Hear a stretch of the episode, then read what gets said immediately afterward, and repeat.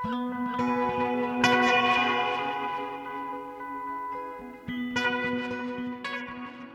og sæl, kæru hlustendur. Halla Harðardóttir og Melgorka Ólafsdóttir heils ykkur úr hljóðstofu Vísjár þriði daginn 11. oktober.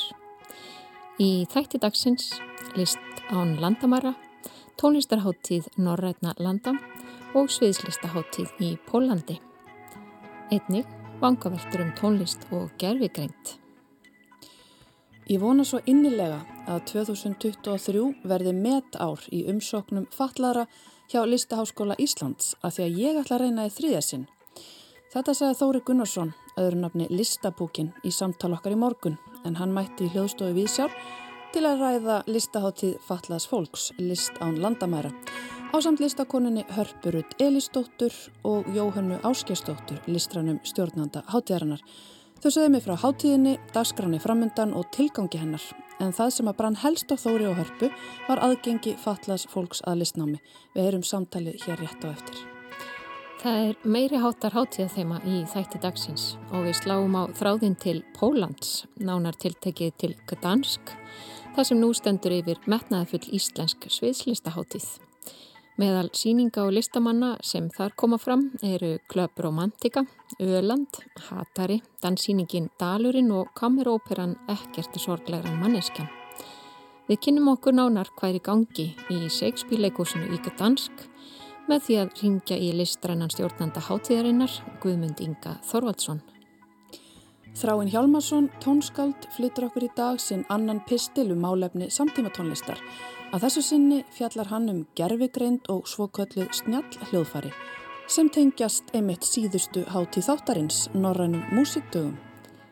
Í þessum töluðu orðum fer fram opna viðburður Norræna músikdaga í Ráðhúsi Reykjavíkur samhliða opnun á síningu á snjall hljóðfærum sem stendur jafnlengi og hátíðin varir eða fram á laugadag.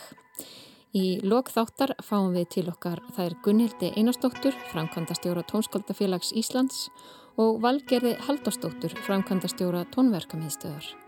Það segja okkur nánar frá Norrænum músíkdögum, samtíma tónlistasenninni á Íslandi og frá nýri skýslu um umhverfi samtíma tónlistar á Norðurlöndum. En við hefum þáttinn á list án landamæra. List án landamæra, listaháttíð sem leggur áherslu á list fatlas fólks Byrjarum næstu helgi, lögadaginn 15. oktober og stendur fram til loka mánaðarins. Háttíðin var fyrst haldinn árið 2003 á Evrópu ári fallara og hefur verið haldinn árlega síðan. Hún sýnir öll listform, meðal annars myndlist, tónlist, ritlist og sviðslistir. Og hingaði komin listrætt stjórnandi háttíðarinnar, Jóhanna Áskerstóttir og tveir listamenn, Harpa Rudd Elistóttir og Þórir Gunnarsson. Verið velkomin. Takk. Takk. Takk. Gaman að fá okkur í heimsókn. Kanski bara, Jóhanna, við byrjum á því að rifja þessu upp svona hver tilgangur þessar hátíðar er.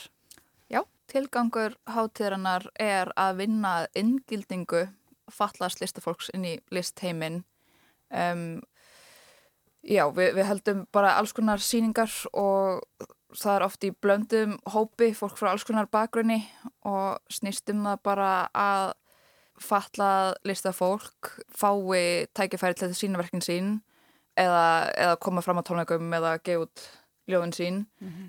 um, þegar það kannski ekki fengið eins og verið tækifæri eða verið litið framhjáði annars um, og svo er markmiðið svolítið að fólk myndi tengsilnett og, og fari svo að, að skapa allstaðar, annar staðar heldur en á hátíðinni að mm -hmm. hérna, fatlað listafólk hefur skertari aðgang að til dæmis listmentun stór hluti listmentunar auðvitað bara að kynnast eh, kennurum sínum sem eru starfandi listamenn eða hérna kynnast öðru listafólki mm -hmm. þá kannski vantar fólk þetta tengslanett mm -hmm. en svo snýst þetta bara um sínileika og að hérna að bara berjast fyrir jafnbretti í menningarheiminum á mm -hmm. Íslandi mhm. Emit, sko, þú talar um inngildingu og jafnan aðgang að listaháttum og síningarheimum sem að fallaði sannlega að hafa ekki í dag um, Þannig að í rauninni markmið hátíðarinnar er að verða óþörf. Það er í rauninni markmið hátíðarinnar og veist, við viljum þrýsta á menningarstofnanir að hérna, horfa á sína síningasögu, um, hafa þau verið að skoða alla breytt samfélagsins, sínir hérna, listasafn Íslands eða, eða veist, eru tónleikar í hörpunni eftir falla listafólk og taka, taka svolítið til sína því þegar auðvitað þeirra leita þá er til alveg ótrúlega magnað falla listafólk og það hefur verið starfandi bara hérna auðvitað frá því háttíðin byrjaði hérna, hérna, en auðvitað þarf líka að fólk að fá tækifællega sína og þróskast í sín list og já. Og þróskast í sín list og þá er mentun sannlega stór hlut af því og rétt að við byrjum þetta samtalið þórir og harpa þá uh, spyrði ég ykkur svona hvað ykkur líkur mest á hjarta, hvað ykkur kannski langaði mest að ræða fyrir utan auðvitað síningarnar sem þið eru að fara að opna núna næstu helgi. Um, og þá töluðu bæði um mentun Já. að það væri, það þýrst að gera mikið í þeim málum, harpa, ekki satt? Já, það er bara bæt úr þessu og allir fá sömu tækifæri til að menta sig. Mm -hmm. og þá ert að meina framhaldsmentun Já, á háskólastíði Já, þú ert sjálf nýjúðskrifuð segð mér aðeins frá því hvað þú ert búin að vera að læra. Uh, Já, ég fór í einsásnám í myndlæsaskólanum fyrir fólk sem hefur klárað uh, starfsbraut eða sérnámsbraut í mentaskólum. Mm -hmm. Og myndlist, það er eitthvað sem þú vilt bara leggja fyrir því að þú, sagði mig líka að vera að skrifa og hefði skrifa leikrit. Uh, já, já mynd, mér skaf mér að myndlist og leiklist og öllu því og væri til að læra það. En það mm -hmm. bara gallin að fatta list, listafólk hefur ekki aðgang að listaháskólanum eða áframhaldaði námi í list. Mm -hmm. Hefur hugsaður að sækja um í listaháskólanum? Ég, ég hef ekki hugsað þannig séð, jú ég hef hugsað en ég veit ekki, ég er svo hrættum að fá höfnununa mm -hmm. og því ég veit að hún mun koma.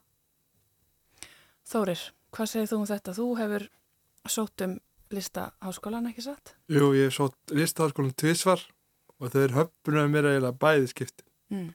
Fyrst, fyrra skipti, fyrsta skipti, mér fannst bara svo aðstæðan spurningin, ég komst í viðtal fyrsta falla mannskar sem komst í viðtal bara brautriðandi og þau spurðu mig er þú student? Mér finnst það ekki skipta máli. Bara burti með þetta stúdendæmi og stopnum bara delt bara fyrir fallaða hvort að þessi myndlist leiklist, tónlist eða hvað sem er og hleypið fölluði fólki bara inn í listaháskóla Íslands. Og það er alltaf lægi fyrir falla fólk að reyna og ég vona svo innilega 2023 að það verði með umsöknir föllum að sækja um í listaháskóla Íslands að því ég ætla að reyna í þriðja sinn. Allir er að fá sömu tækifæri. Mm -hmm. Einmitt. Það er ekki flókin krafa. Nei. Þið eru bæði búin að vera að læra í myndlistaskóla Reykjavíkur, eru með, uh, þú útskrifast núni fór, eru með diplomagráðu þaðan og fóruð í uh, skiptinám, ekki satt, til Tjekklands. Já, það var svona skiptinámsferð, þetta var svona vikuferð sem að, hérna, diplomadeildin, þetta er, ég hann listarstjórnundur, ég fekk að flóta með, okay. en það var svona samstarf, hérna, þannig þið fóruð allir eh, saman. Ég fórum þetta saman, Já. Eh, þetta var samstarf listar á landamæra og hérna, um, það er svona vinnustofa, hérna sem heitir Barvlam í Tjekklandi, um, sem er svona ætlið taugsegin fólki. Þannig að þetta er svona uh, já, e, bara atvinnu listafólk hérna sem að er þarna með vinnustofu og er þá kannski með ákveðin stöning eða þess starf en, en líka bara þetta samfélag. Og þau buðu okkur hérna listan landamæra og útskriftinum myndliskólans í heimsókn til þess að bara uh, kynna starfinu hjá þeim. Mm -hmm. um, og já, þið kannski getur sagt hvað ykkur fannst, mér er ótrúlega gaman. Já, þið sóttum styrk til að komast voru að segja mér. Já, það var myndlæsaskólinn sóttum uh, já, deildin eins og mm -hmm. námi myndlæst frá Erasmus til að fara í þess að ferð. Og það mm -hmm. er svona í nýju hérna, nýja plani hjá Erasmus eru svona já, við viljum leggja sérstaklega áherslu á yngildingu og veita aukalega styrki uh, til þess að getur til dæmis færið fleiri saman. Mm -hmm. um, hann hefur voruð með nóg af aðstafafólki, fólk þarf aðstafafólk og veit að líka auka styrki ef að fólk er með einhverjar hefihamlanir að hérna, geta gert aðstafnir varandi það. Mm -hmm. um, já, já. Og hvernig var ferðin Harpa og Þórir? Uh, mér finnst bara rosalega skemmtilegt. Þetta opnaði mig meira. Þetta er bara fyrsta sinn sem bara kem bara til Prag, opnaði mig meira og sá bara, þetta er bara svona listaborg bara æðislega borg mm -hmm. Mér fannst það alveg frábær ferð og sjá list annara og sjá hvernig þau vinna listinu sinnu og sína þeim hvernig við vinnum að listinu okkar Einmitt. og kynnast öðru fólki og já, Þetta veitt ykkur innblástur. já mikil, mikil innblástur. Og mun það sjást á síningunni sem að þið, á verkonum sem þið eru að sína núna? Þessi, þessi áhrif frá þessari ferð. Já, Er eitthvað úr ferðinni á Eh, síningunni? Já, ég var að vinna ein- einni mynd sem ég, ég tók mynd af húsum í Prag og var að mála þau. Spennandi. Þóri, viltu segja okkur frá verkinu sem þú ert með á hátíðinni? já, ég get sagt að þetta tengist aðeins svona Prag-verkefni hjá mér og þetta er svona bara menning, hús, fólk og svoleiðis og hestar og svona hestakerrur og eitthvað svoleiðis, það tengist verkefni verkefni þannig að mér í Prag og síðan ætla ég líka að láta bara vita að einu sem mér fannst alveg geggja sem var í sumar, það var herrferðin hvað er planið? Mm -hmm. allir gera tækifæri og ég vil að þakka almenningi bara, indi, bara þakka hann alveg kærlega fyrir. Það voru næstuði 7000 manns sem skrifuðu undir rafrött á netinu og mér finnst það bara gegja takk innilega fyrir. Einmitt.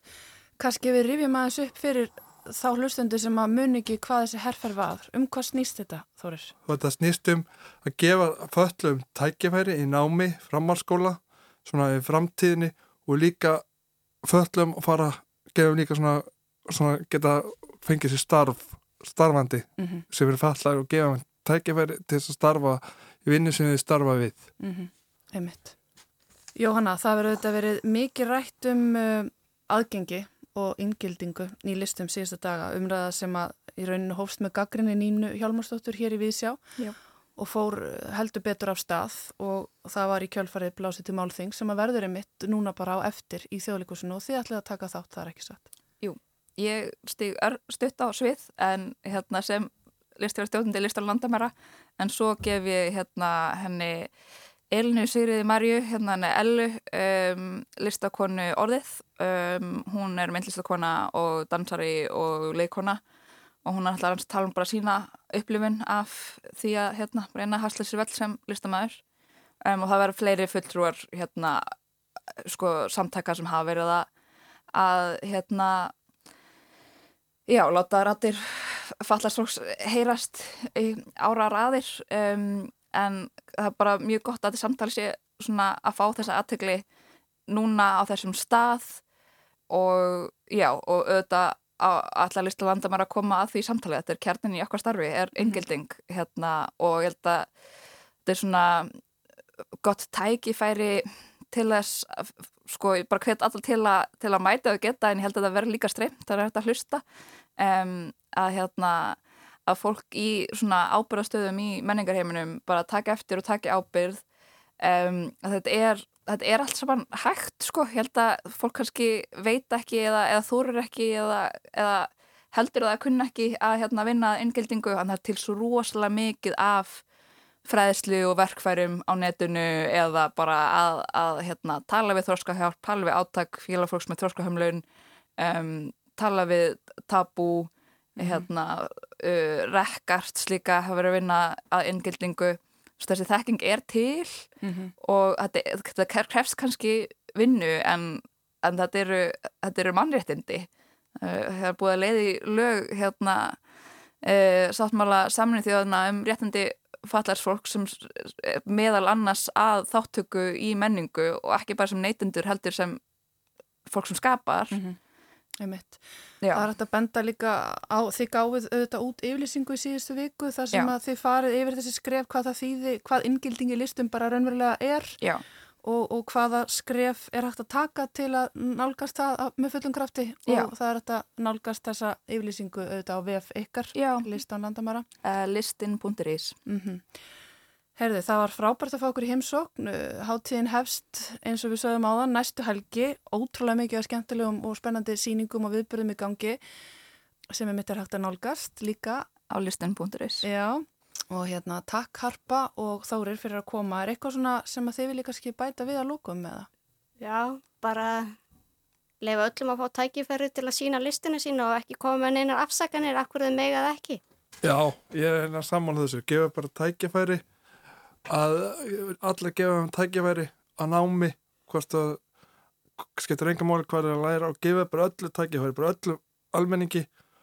Og ég er svo ánað með það þegar við fórum með þessa herrferð í sumar hvað er planið þetta fóru að vekja svo miklu aðtegli þá fóru allt í einu stjórnvöld að vakna. Af því þeir voru aldrei neitt að spá í þetta, aldrei Þetta eru frábær lokaður Þórir og Harpa, takk fyrir að koma í viðsjá og gangi ykkur vel með síningarnar ykkar og öll ykkar störf. Já, takk. Takk fyrir. Takk. Hallarætti hér við þau Jóhannu Áskistóttur, listarannan stjórnanda Listar án landamæra, Þóri Gunnarsson sem kalla sig Listabókan og Hörpurún Elístóttur, listakonu. Listán landamæra hefst næst komandi lögudag með opnin í Gerðubergi og stendur fram til 30. oktober. Og við minnum hlustendur á málþingið sem einni var minnst á hér í samtalenu, málþingum samfélagsleg áhrif byrtingamynda í sviðslistum sem fer fram í þjóðleikúsinu og hefst núna rétt og eftir klukkan 5. En þau sem ekki komast geta fylst með í streymi á vef þjóðleikúsins. En uh, þá færum við okkur um set og tökum stefnuna á sögufræga borg í norður Pólandi. Guðmundur Ingi Þorvaldsson, leikari, leikstjóri og framkvæmdastjóri Vinslunar. Þú ert stættur í Pólandi. Já, ég stættur í Gdansk í Pólandi, Shakespeare leikúsunni í Gdansk. Þetta er stórmerkilegt leikús, er það ekki? Jú, sagan er þannig að Shakespeare sjálfur uh, túraði hinga með síningarna sínar og hóparnir hans eftir að hann deyr. Uh, Gdansk var á þeim tíma ein af staðistu og öflugusti borgum í Európu kvöldu brauðkarfa Európu og þeir áttu hérna staðista krana Európu þegar hann var drifin áfram af áttasterkum mönnum á hamstrahefli gottu lift þingri förmum úr skipum heldur en nokkur önnur höfn í Európu og hérna var sem sagt fyrir utan borgavegin að sjálfsögðu var hérna svo kallega skilmingaskóli og þar sem sagt performaði Shakespeare og hans flokkar. Og það var síðan baráttumál profesors Jesse Lee Mamone sem að hérna á heiðurinn á þessu leikúsi að, að byggja nýtt Shakespeare leikús á sama stað og þessi skilmingaskóli stóð og þetta var svona opinn hans starfs að við fóri að berjast til þessu. Og hann hafði þetta sæst í gegn og hér var byggt alveg magnað leikús hann af ægilega flottum ítörskum arkitektum. Þannig að byggingin sjálf er rosalega falleg og, og svona sérstök. Og inn í henni er bara eitt svona flottasta leikús sem ég hef komið inn í. Þú getur lift þakkina af meinum taka ef þú vilt vera með svona Shakespeare útileikús og allir þetta taki ekki einhver svona 750 manns í sæti og þetta eru með svona svölum eins og tíðkust á tíma Shakespeare þannig að það sem náttúrulega gerir þetta sko svo leikús fyrst mér algjörlega einstakt er að starfsfólki hérna er algjörlega magnað. Það er gríðarlega mikil sál og vilji í þessu fólki að gera vel. Þetta er vel mannað. Það er ekki búið að reka alla sem hægt er að reka eins og heim á Íslandi og þeir, þessir hópar sem eru búin að koma geta borið vittnum það að, að móttökurnar hérna eru einstakar og, og það er allt hægt. Og þetta er meiri háttar sviðslista hátíð sem að þeir að setja upp þarna. Það eru sjö mismöndi sviðslista verkefni sem að þeir að flytja til Pólans. Já, já þetta leikús hefur gert þetta svolítið. Þeir hafa hérna, verið duglegir að finna styrki sem að gera þeim kleift að flytja inn menningu annar staða frá. Þeir hafa verið með kroatíska viku og rúmenska viku og gríska viku. Þannig að þetta er svona hluta þeirra starfskúltúr og það er náttúrulega gríðulega áhuga á þessu vegna þess að, að náttúrulega tengsl þjóðan er ráðan svo mikil, sérstaklega í ljósi þess hvað sem margir pólveri að búa á Íslandi og, og áhuga á Íslandi í Pólandi er gríðarlega mikil, það er mjög cool að vera frá Íslandi og, og það er bara rosalega vel að við séum að ebla manninga sem samskipti þessar að tvekja þjóða sko. Ummitt, en segja mér aðeins frá þessum verkefnum sem að þið fórum með út, þetta eru veluna síningar, það er danssíning og leiksíning og óperusíning og, og tónlist Þetta er mjög fjölbreytt. Já, mér langaði svolítið hérna þegar ég var að setja saman dagskrána með, með hérna, félagum í, í vinslinni.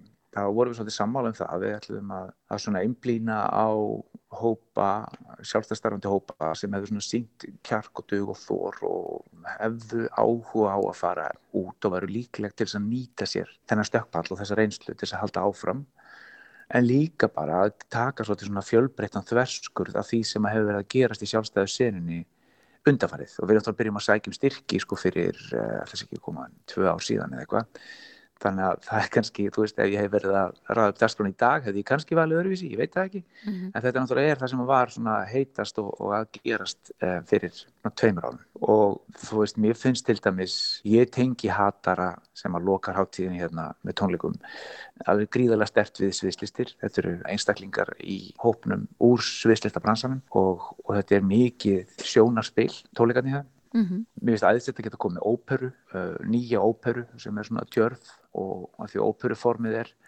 brotætt og hefur kannski, svona, kannski einhver leiti átt undir högg að segja í ungu fólki. Það er óperan ekkert er sorgleira en manneskjan eftir Adolf Smára og, og Fredrik Margreðar Guðmundsson. Og svo svona, já, bara að það sé hérna fjölbrytt og skemmtilegt. Opnunarsýningin var Öland sem að vakti talsverðu aðtiklið þegar hún var sínt hérna heima bara tvísvar í þjóðleikósinu, svolítið dölafull síning.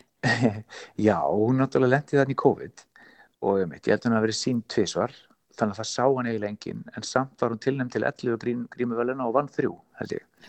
Sem, var, sem er stór merkileg svo voru við búin að sína einu sinni í Helsingi þannig að þetta var bara fjórða síningin á verkinu hérna á vopnurinn og þetta er alveg frábært verk. Þetta er alveg ofbóslega skemmtilega og, og, og sko svona snjöll umfjöllun um umhverfismál án þess að vera tróð einhverjum í kokafólki bara í gegnum um leik. Eh, eiginlega ekkert sagt í síningunni en sjónrænan og bara frásögnin er alveg rosalega sterk og hún hafði greinlega mikil áhrif á pólverðina töluðu mikið um hann, þurftu mikið að tjá sig um síningun eftir á, sem var mjög skemmtilegt. Eitthvað sem að kannski margir áhörundur hafa ágjöra af og eru fegnir að finna faraveg Já, algjörlega sko. Ég finnst algjörlega fárunlegt að hún sé ekki sínt meira heim á Íslandi. Ég finnst þetta bara svo, þetta er svo gott stöf sko. Það kannski kemur á því, vonandi. Vonandi, vonandi.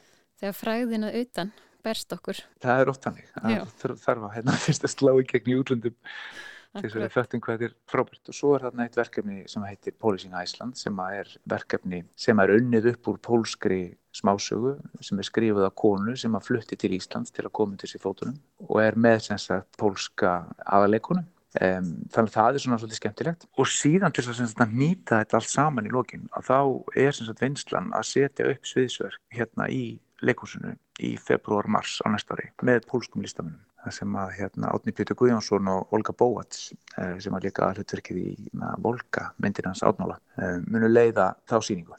En segð okkur aðeins frá vinslinu fyrir þá sem ekki vita hvað vinslan er. Já, sem sagt vinslan eh, var stopnuð af sviðsleista fólki og já, bara já, listafólki sem að í rauninni kynntist í London. Íslensku sviðslitafólki sem að kynntist í London og við áttum það sami þetta var öll með einum öðrum hætti komið fram eða starfað hjá Sjönd Lounge sem að var svona underground leikús í London sem að bauð upp á gríðarlega fjölbreytni hafði ekkert sérstaklega mikið áhuga á síningu sem voru tilbúnar heldur eh, vildi fá inn listamenn sem að höfðu eh, ríka ástæðu til að hitta á áhörundur á þeim stað í ferlunum sem þau voru. Og þetta fannst okkur algjörlega frábært. Og svona bara vann engin og vinnur engin á Íslandi en þá eh, hugsar á löpunum Já. fyrir framann áhörundur þannig að þegar við síðan förum að flytja heim þá hittumst við og við förum bara að tala um hvað við söknum sjönd sko, hvað, og hvað við einhvern veginn sjáum ekki fyrir okkur að þrýfast á Íslandi nema að bú eitthvað svona svipa til. Og störtum vinslunni hérna 2012 einmarétt og höldum 10 eða 11 svona vinslu kvöld þar sem við settum saman dagskráða sem 30 listamenn af alls konar toga um, fengu útlita rými í, fyrst í Norðupólnum gamla. Mm -hmm. og við settum saman svona kjúreituðum svona síningakvöld þar sem þetta einhvern veginn svona fléttaðist saman í heilt fyrir áhörvendur og var gríðarlega gaman og gríðarlega vefnað og listamenn elskuðu þetta og áhörvendur sem komu elskuðu þetta líka. Svo bara gerist þetta eins og gerist Íslandi bara tekur lífi við við öll hérna, ég veit ekki hvað, hvað við erum sko ég held við séum búin að eignast tíu bæðum þessi hópur sem að hérna, síðan, síðan að hérna, við komum heim sko. og þetta svona bæði vegna þess að við einhvern veginn að þetta var svo nýstárlegt eh, eða kannski frekar styrkja kerfið á Íslandi er mjög gamaldags og einskorðast við það að setja upp síningar eh, þannig að við fengum ekki, ekki styrki í þetta verkefni þetta er bara eins og styrkjar umhverfið skildi þetta ekki. Og við eignuðum stöld börn þannig að þetta er svona svolítið laðist í dvala en nú erum við sem sagt öll búin að lofa því að hætta eignast börn og, og hérna þannig að við erum svona bara að vakna aftur til lífsins. Og þið eru að sögla um og, og, og fara á alþjóðlegan vettvang með ykkar verkefni? Já, það er bara að kemur til að hver tvennu sko, það er annars vegar að bara íslenska styrkja einhverju skilur okkur ekki, en svo erum við náttúrulega öll bara mjög alþjóðleg, höfum unni mikið ellendis hvernig sínum hætti og við sjáum ekki að strendur Íslands eigi að takmarka okkur og nokkur nátt sko. En hvernig dýliði við til dæmis bara tungumálið í þessu samingi? Sko þau eru hérna mjög dögleg, þau þýða allt og, og texta allt og eru með manneskjur á, á textavill og leikópunum var bara í hvort er performerð á ennsku eða íslensku. Það er bara bæði frábært sko. Mm. Er bæði finnst pólverunum mjög svona exotíska að heyra íslenskuna. Eh, lang flestir þeirra skilja eitthvað í ennsku en það er alltaf einhverjir og þess vegna hérna, sjá þær um að, að hérna, sér leikúsi hérna um að texta allt. Og háttíðinni líkur núna með tónleikum Hattara? Já, 16. oktober. Það held ég að verði gott partí. Já. Það er að koma hérna þun heit af Europatúr og þetta er síðasti, síðasti tónleikastæðurinn í, í þessum Europatúr sem eru búin að vera á og ég finna alveg að það er mikil spenningur fyrir því hér að, fá Hattara í hús. Til hamingi með þessa glæsilega háttíð í Gdansk í Pólandi. Guðmundur Ingi Þórvaldsson og takk fyrir spjallið. Takk innilega, já, takk innilega fyrir mig.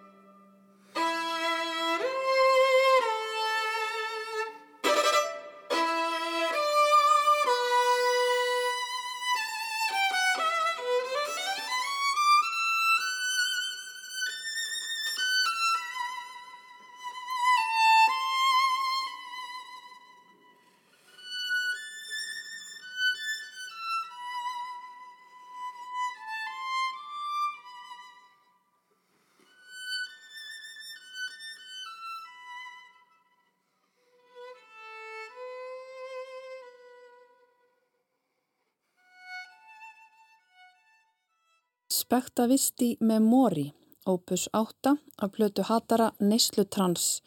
Meðhöfundu lagsins og flytjandi var fyrirleikarin Pétur Björnsson. Og með því færum við okkur aftur um set og í samtíma tónlistasinnuna á Íslandi. Þráinn Hjálmarsson tónskald flytur okkur sinn annan pistil og fjallar að þessu sinni um svokölluð snjall hljóðfæri. Konsertinn fyrir 16.000 trompeta byrjar á þrýljómanum tveimur sem leika líflegan og lýriskan dans.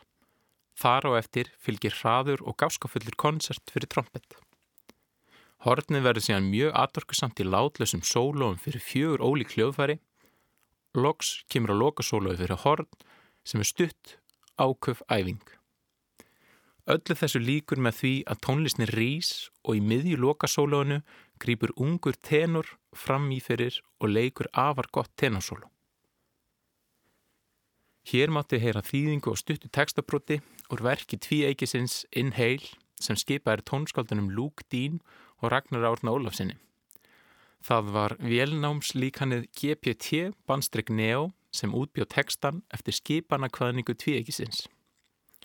Þeir Luke og Ragnar Árni er í hópi fjölmarkra listamanna sem hafa síðustu misseri kann að nýtingu velnámslíkana í listskupunaferli sínu. En aðgengja þessari tækni og þekking á henni fyrir leikundur hefur stór aukist að undarförnu. Nýting þessara nýju tækni vekur upp fjölmarkar áhauverðar og áleita spurningar á borðu lokamind listaverksins, höfund þess og byrtingamind mennskunar í listum. Vélnámslíkön eru einn fjölmarkra leiða til þess að ljá tölvum það sem kalla hefur verið gerfigrind. Þessi tiltekna aðferð, það er vélnám, byggir á fræðilegum grunnið starffræði, tölfræði og taugalífræði þar sem tölvan kannar tengsl og líkindi innan viðamikil skagnasaps og út frá þeim drefur hún álíktanir um hegðun og munstur innan gagnasapsins. Gagnasapnið getur verið á hvaða stafranu formi sem er, hvort heldur sem texti, hljóð, myndbönd, myndir eða annað. En bæði samsetning gagnasapsins og hvernig tölvan kannar tengsl innan sapsins hefur mótandi áhrif á útkomuna. Ekki ósipað hvernig okkar ólíkur reynslur og upplifanir hafa áhrif á hegðun okkar og ákverðanatökur í hennu daglega lífi. Einni mætti líka gagnasöfnum við borg og velnámið við göngu okkur um staðin þar sem við reynum eftir fremsta megni að átt okkur á bæalífinu og menningu staðarins út frá því sem við sjáum á göngu okkar um borgina. Fyrir þá sem vilja kafa dýftina í þessum efnum og sem dæmi gera sín eigin vélnámslíkun þarf að leita skilnings á dágóðum fjölda hugtaka sem ekki verða að gera skil hér. En verðt er að benda á að sækja má rúmlega 30 klukkustunda gjaldfrjálst námskeið um gerfugreind á íslensku í gegnum vefsíðuna elementsofae.is en námskeiðið var þróað af háskólanum í Helsingi. Áhrif nýtingu velnámslíkana í listum eru enn að koma í ljós en sennilega, líkt og með alla tæknithróun innan listana, mun ný tækni hafa áhrif á störf þeirra sem starfa við hagnýta listsköpun. Í tilfelli samtímans væri það tónlistasköpun fyrir kvikmyndaframleðslu, efnisveitur sem á tölvilegi. Þar sem markaður er fyrir þróun viðmóta sem getur sparað framleiðslukostna. Við getum jáfnvel séð þetta út frá sögu portrétmynda. Þegar ljósmyndavélinn reyður sér til rúms hafði hún bein áhrif á eftirspurn eftir málur um portréttmynda. En einnig fylgdi för ófyrir síð áhrif þar sem aðgengi fólks að myndum breyti viðhorfi fólks til hins sjónrana heims. Svo það er ómögulegt að segja til um hvort áhrifin séu neikvæð í heildina. Hugmyndin um höfundarétt er eitt af þeim spennandi og áletu spurningum sem spretta fram í tengslum við nýtingu vélnáms í listum.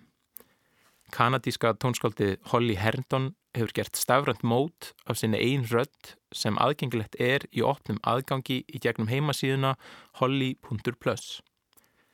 Þar má hlafa upp stafrænu hljóðskjali þar sem velnámslíkan umbreytir skjalinu svo að hljóðið takja á sig hljómblæ rattar Hollyar. Hugmynd Hollyar er að bjóða opin aðgang að sinni einn rödd en vélnámslíkanið mun síðar meir verði í eigu DAO stofnunarinnar sem mun halda utanum eignaritt vélnámslíkansins í framtíðinni og þannig varðveita rött holjar. Þrátt fyrir allar þessar sviftingar sem orðið hafa og eru framöndan verist þó lítið ból á því að tækniframfærir óknir tilvist eða gjaldfelli þá list sem ofinir úr samfélagslegum venslum og tala beint til samtímas. Það er að segja svo list sem byggjar á sambandi listamanns við áhörundur, umhverfi sitt og samtíma. Fyrirnemdur Ragnar Árni Ólafsson hefur allt frá árunni 2018 starfað fyrir írska tónskáldi Jennifer Walls að verkefni hennar The Text Score Dataset 1.0 þar sem ætlunin er að fá velnámslíkun til þess að útbúa sína einn list í formi svo kallara textaskora. Tekstaskor eru sín eigin grein innan samtíma tónlistar og dans á mörgum ljóðlistar, leikhús og tónlistar. Þar sem teksti dregur upp myndir af upplifunum sem geta verið allt frá hennu smæsta og mögulega í framkvæmt og yfir í hið ómögulega og óraunsæja. Tæknileg hlið verkefnisins snýra því að útbúa viða mikið gagnasamt tekstaskora sem nýtist til enn frekari þjálfunar á því sem kallast innan fagsins tekstaleg tungumála líkun. Það er vélnámslíkun sem þekkja til og skilja skrifaða texta. Ragnarórni hefur haft umsjón með gerð gagnasaps sem innheldur öll þau textaskor sem þeir hafa komist yfir og í dag tilur sapnið um 3000 textaskor sem spanna tímabil allt frá miðri 20. öld og til dagsins í dag. Fyrsta formlega útkoman úr verkefninu var í formi bókar sem kom út árið 2021 og er aðgengilega á heimasíðu Jennifers. Útgáðan inniheldur fjölda textaskora sem hinn ólíku velnámslíkun hafa skapað eftir að hafa fengið að kynnast öllum þeim fyrirlögu textaskorum úr gagnasafninu. Hefur Jennifer þar valið verk sem vakið hafa áhuga hennar og forvitni.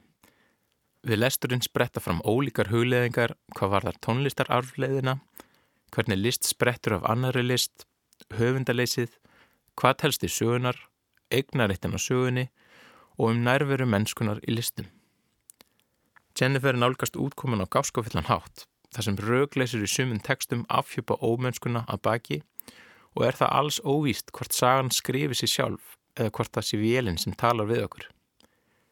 Þrátt fyrir að verkefni spretti fram á forvetni fyrir nýri tækni þá er útgangspunktur Jennifers og umfjöldunarefni verksins um söguna, um hvernig við upplöfum list út frá höfundum, hvernig við leitum ávalt að næstu mennsku rött. Hér hljóðar með góðfúslegu leiði Jennifers þýðing mín og stuttu textaskori úr útgáfinni.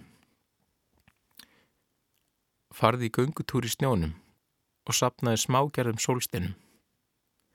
Á heimili eða á hljóðum stað í myrkri syngdu þá aftur í sinn fyrri hljóð.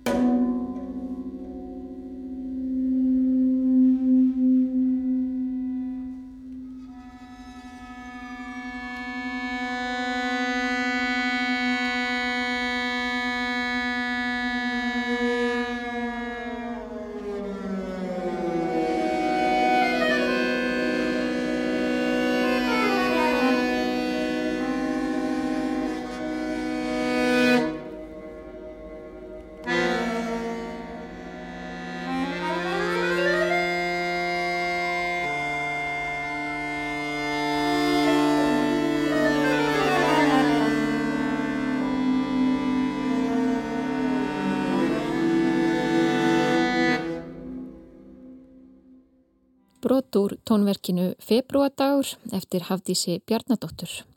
Sandra Ósk Snæpustóttir leik á Dórofón og Pála Engel á harmonikku. Hér á eftir písli frá þráni Hjálmasenni. Dórofótnin er einmitt eitt af þeim hljóðfærum sem áhuga sumum gefst kostur á að skoða á snjall hljóðfærasíningu sem opnar í Ráðhúsi Reykjavíkur í þessum töluðu orðum.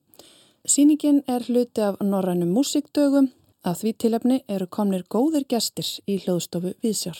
Það eru sestarinn hjá mér Valgerður Guðrún Haldarsdóttir, framkvæmdastjóri tónverkamiðstöðar og Gunnildur Einarsdóttir, framkvæmdastjóri Norræna Músíkdaga og Tónskaldafélags Íslands. Velkomnar. Takk.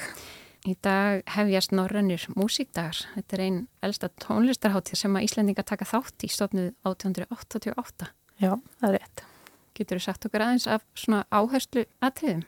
Já, hátíðin í ár. Ég get gert það. Hátíðin hefst í dag með opnunatónleikum í ráð, ráðhúsinu og þessir opnunatónleikar eru um leið í rauninni lokatónleikar vinnustofi sem að Intelligent Instrument Lab hjá Listaháskóla Íslands heldur og tengist síningu sem að verður á hátíðinni sem að er um snjall hljóðfæri og ný, nýjungar í hljóðfæri smíði og svona kannski áhrif þeirra á sköpun tónlistar og hérna svona frum kvöðla starfi í tónlist sem er í rauninni skoldi þema hátíðarnar eða sem sagt þemað er impact í ár og það er rauninni sko hvernig þetta, nýjungar hafa áhrif á þróun og uh, samfélagið hefur áhrif á þróun tónlistar og uh, það er svona alls konar vinklar teknir á þetta þema en þessi síning er svolítið svona, sínir þetta mjög svona í nótskur þessa þetta þema eða kannski mjög áþreifanlega kannski. Þessi tónleikar eru þá uh, opnuninn, þar verður einmitt leikið á hérna, eitt af fljóðferðanum sem eru svo á síningunni sem er opinn í ráðhusinu alla vikuna. Og það er uh, hljóðferðið Dórofót sem að Haldur Úlvarsson hannaði og smíðaði. Og gerði nú gardin frægan hérna í Jóker tónlist hennar Hildar Guðuna hann er að það er svona eitt af því sem að er skemmtlegt og svo eftir tónleikana þá verður búið til móttöku í ráðhúsinu og, og þessi síning opnið sem að stendur fram á förstu dag en svo eru þetta aðal það sem er aðalega að gerast á háttíðin eru þetta tónleikar og tónlist, þá er ekki að glema því.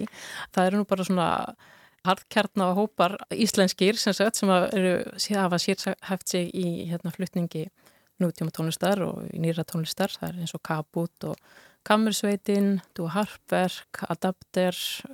Svo erum við með mjög áhugaverða raf tónlistardagsgrá þar er hún Þórarna Björnsdóttir til dæmis fremst í flokki þannig að það er bara mjög margt að gerast. Mikil hátíðar dagsgrá á alla vikuna. Ég hvet bara fólk eindreið til að kynna sér dagskrona á nordicmusicdays.org Og hún dreifist um allar Reykjavík og Kópavegin líka Já. og, og, En svo er líka, það er líka vinnustofa fyrir tónlistablaða fólk sem við fáum aðeins að kynast nánar hérna ára á seitt. Já, þetta er eitt af einmitt svona hérna, gæluverkefnunum mínum að það er að hérna, auka kannski svona gæða umfjöllun um tónlist á Íslandi og mér dætt í huga að það veri best að byrja bara sem fyrst eh, eða sem sagt að byrja á því að hafa áhrif á unga fólkið. Mm -hmm. þannig að ég fekk tónlistablaða konu frá Þískalandi sem hefur verið að haldið svona vinnustofur í menningar eða tónlistar umfjöllun á stórum hátíðum um bara alla Evrópu síðustu 15 árin, hún er svona sérhæft alveg í þessu fægi og það verður mjög spennand að fylgjast með hvað hópurinn hennar mun fjalla um hátíðina því að þau verða á ferðina á öllum hérna, viðbörum hátíðarinnar og munu bæði gera podcast og umfjallanir og gaggrinni sem að verður mjög áhugavert að fylgjast með og verður byrt á okkar miðlum og, og hennar. Þannig að mm -hmm. það er mjög skemmt, skemmtlegt og spennandi. Og þetta samtal og náttúrulega umræðan er svo stór og mikilvæg partur af senu eins og samtíma tónlistasenan er. Algjörlega. Valgjörður, þú hefur verið í hópi sem kalla sér Status, það er nýtt tengslanett tónlistamiðstöða á Norðurlöndum og þið voruð að setja saman helgirinnar skýslu sem á að vera kynnt á Norrannum músjöfdögum. Ég veit að skýslan er 90 síður og kannski erfitt að taka saman svona aðal áhæsturnar en getur þið sagt okkur aðeins? Já, þetta er sérstaklega hópur sem var til að frumkvæði Art Music Denmark sem er tónlistamiðstöð samtíma tónlistar í Danmarku. Þau hóðu í tónlistamiðstöðar á hinn og Norrlöndunum og samtalið byrjaði svona, COVID var aðeins byrjað en við vorum samt vongoðum og getum hist alltaf reglulega og hugmyndu var að við heittust í hverju Norrlandi og skönum markaði hvors annars og en það var náttúrulega ekki um það þannig að það var farið út í það að sapna saman svona merkjum eða svona signal fyrir tilstilli sagt, fyrirtæki sem sérhæfis í framtíðarhönnun og framtíðarfræðum og sért, þau hönnuðu aðfræðfræðina sem byggðist utan að um það að sapna þessum merkjum úr umhverju hverjar miðstöðar og þegar voru komið nógu mörg merki þá hittust við uppkvæmuna og, og hvað er svona merki? Hvað merki það getur verið bara eitthvað sem gerist, eitthvað sem er eitthvað viðburður, eitthvað sem er umræðinni eitthvað stefna sem er greinaleg mm -hmm. eitthvað breyting í umhverjunu Já og það er búið til eins og eitt spjald í rauninni með lýsingu mm -hmm. á mhm. þessu merki eða signali. Og signalin voru, ég man ekki hvað það voru mörg en þau voru alveg skiptu nokkur hundruðum. Og þegar við heittust í Danmörku núni í apríl. Og þá fórum við í það að sortera þessi signal eftir þemum sem voru greinaleg og það er merkilegt hvað öll þessi signal komið við að á Norrlundanum hvað áttu margt sammart samt. En voru á sama, hátt, sama tíma mjög ólík líka En svona fyrir leikmenn eh, getur nefnt nokkur dæmi um það sem þú kallar merki. Er það þá kannski tilkoman í tónlistarhús eða Já, eitthvað sem gerist í þróun hljóðfæra? Það getur verið ímiskona tægi eða hvað? Já, það er eitt signal sem kom híðan til dæmis er stofnun tónlistamjöstöðar, mm -hmm. nýrar tónlistamjöstöðar sem taka við uh, starfsemi útón og kjarnastar sem er tónverkamiðstöðar og það er bara sett fram sem eitt signal, það er stofnun tónlistamiðstöðar, hvernig það er tilkomið og bara svona nokkuð hlutlaus lýsing á því merki, mm -hmm. það er eitt merki. Og þetta er svona aðferð til að ná utanum umhverfi samtíma tónlistar? Já. Á og, Norðurlöndum? Já, og er, við kallum þetta svona forkönnun á umhverfi samtíma tónlistar á Norðurlöndum og þetta er ekki verið að taka fyrir listræna þáttin heldur umhverfið, umhverfistætti eins og starfsæðastæður innviði byggingar og rými jafnvel tónlistarháttir til dæmis. Mm -hmm. yngildingu og félagsleg áhrif hefðir og varfiðsla til dæmis menningararfur. Mm. ímislegt, þú veist, þetta er mjög fjölbreytt. En þegar búið að vera ræð þessu signul saman þá greintu við 17 þemu sem við kallum einsýn og það skýrist miklu betur þegar fólk les skýsluna mm -hmm. sem er aðgengilega á nordicstatus.org okay. Já og það urði til þarna 17 insýnir eða insights eins og það heitir það sem er svona samantekt á helstu þráðum í þessari vinnu Já. og þessi skýrsla er hugsuð sem byrjun á einhvers konar samtali eða að vekja til hugsunar og að Norðurlöndin og samtíma tónlistar öngveri getur svona máta sig við þessi, þessari insýnir og mögulega það sem er að gerast í öðrum Norrlundum. Og unni þá meira saman?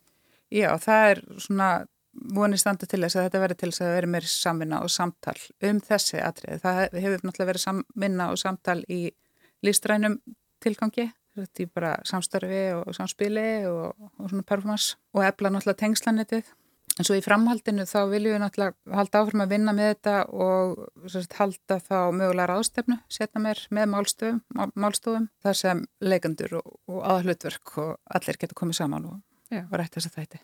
En hver var svona þínu upplifun þegar þú kemur inn í þannan hóp og hefur samanbyrðið við hinn Norðurlöndin varðandi Ísland? Hvernig stöndum við í samtíma tónlist? Við stöndum náttúrulega sko vel að því leiti að það er mikil fagmennska meðal tónlistamanna og við getum þakka það til mjög tónlistanámi tónlistaskólinu og það vantar svolítið tækifæri hér með að við mörgunir Norrlöndin mm -hmm. bara til og með þess að því nefndi byggingar og rými maður sá að það vera endur nýta og endur skilgreina gamlar byggingar mm -hmm. til og með þessi Danmarku sem tónlistarými og eitt af því er einmitt nátengt Art Music Danmark það sem var sko félagsheimili ægafors skotfélags í Kaupanöf, hm. klæsilegi salir sem er núna eru tónlistasalir Það getur verið svolítið svona eftirsóknavert í samtíma tónlistar flutningi oft, svona óvinnileg rými eða hrá rými.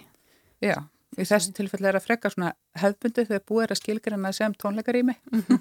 þá er umgjörðin hefbundin, mm -hmm. en mér þetta sjálfur mjög hérna, áhugavert að velta upp möguleikum á óhefbundnum tónleikarýmum, til dæmis í Reykjavík. Æmitt. En það var eitt af því sem ég hjóði eftir í skýslunum var að það var kallað eftir endurhugsun á, á norrannum músikdögum Gunnildur, hver er svona þín tilfinning fyrir því þetta er elgömmel hátíð og mm. þarf vantilega að svona þróast í takt við samtíman? Já, algjörlega og það sem kannski aðalega hefur verið í, þess, í þessu er að hátíðin hefur hingað til alltaf að flakka á milli Norðurlandana sem sagt það hefur alltaf verið skipst á að halda hana og núna er það sem sagt tónfjöldafjöla Ísland sem heldur hana og við erum með listranna stjórnanda að það er hún uh, Tinna Þorstensdóttir og svo erum við sem sagt að, að halda utanum allt skipula og þurfum við að fjármagna hátíðina líka sem er gífurlega krefjandi að þetta er stór hátíð og það eru mjög margi sem koma þarna að. Það eru að koma 120 manns að utan sem eru tengdir hátíðinni sem að koma og vera að tala eða að flytjendur eða tónskaldu þetta og svo eru það allar þessar, uh, það eru tón, náttúrulega tón, hérna, norræna tónskaldaráðið sem eru sem sagt, samtök allra tónskaldafélaga á Norðurlandunum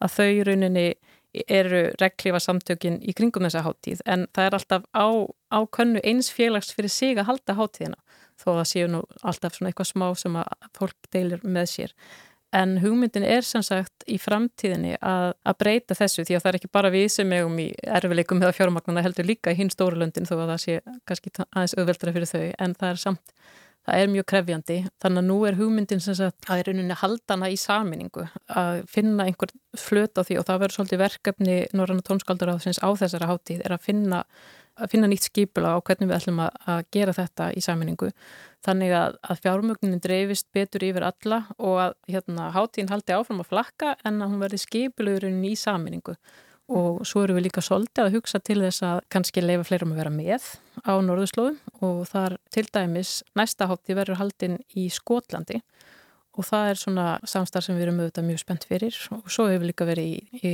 orðuræðinu að hafa eistra saltslöndin með mm -hmm. Þannig að það er svona svolítið skemmtilegt að, að þetta geti kannski ferða að stækka svolítið og, og flytjast já, fara víðar sko þannig að þessi hérna, hátíð er bara í stöður í þróun og mm.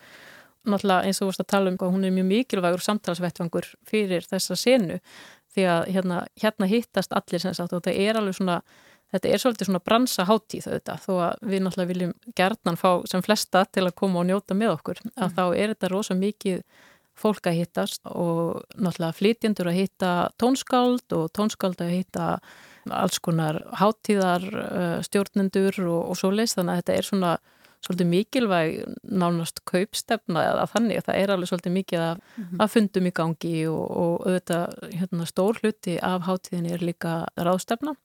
Við erum í heilan dag sem sagt helgaðan þessum hérna, norræna samstarfsvettongi bæði tónskálduráðsins og útflutningsskrifstofa á tónlistar og það er í rauninni svona dagur sem er helgaður tengslamyndun fyrir tónskáld. Þetta er hugsa svona eins og til að gefa einsinn inn í þú veist hvernig maður kemur sér á framferði eða, eða svona ræða bara þennan vettvang svolítið djúft og mm. það verður alveg kafa svolítið djúft onni það. Hérna, hvað þetta er, þetta er svona kannski svolítið svipað og skýslan bara að rætta öðrum vettvangi kannski mm -hmm. Og svo eru við líka með önnur pallborð sem eru bæði tengt síningunni, ný hönnun í, eða frumkvöðla starfi í hérna hljóðfæra hönnun og svo líka panela sem eru tengtir sem sagt samfélagslegum áhrifum í tónlist og alls konar tengdu þessu þema impact. Mm -hmm. Það er mikil umræðu hérna, hluti líka í þessari hátíð. Og þeir eru þá sem að hafa áhuga að sækja viðbyrju þá er af nógu að taka og líka fyrir ímsa aldurshópa. Algjörlega. Við erum með mitt með skólatónleika líka. Mm. Það eru einn af hópum okkar sem er Pingvins slagverstríó frá Núri, frábær hópur. Að það er verða með, hérna, held ég, sex tónleika fyrir skólabörn í Kópavogi. Það er sem þeir eru búin að hérna, hanna svona sérstaka ferði gegnum gerðasapn og náttúrusapnið í hérna Kópavogi. Þannig að það verður mjög skemmtilegt það er nóg að taka. Mm -hmm. Ég bara óska ykkur innilega til hamingu með þessa glæsulegu háttíð í ár Takk og óska ykkur velfarnar með bæði verkefni, mjög mikilvæg. Takk fyrir. Takk fyrir komuna.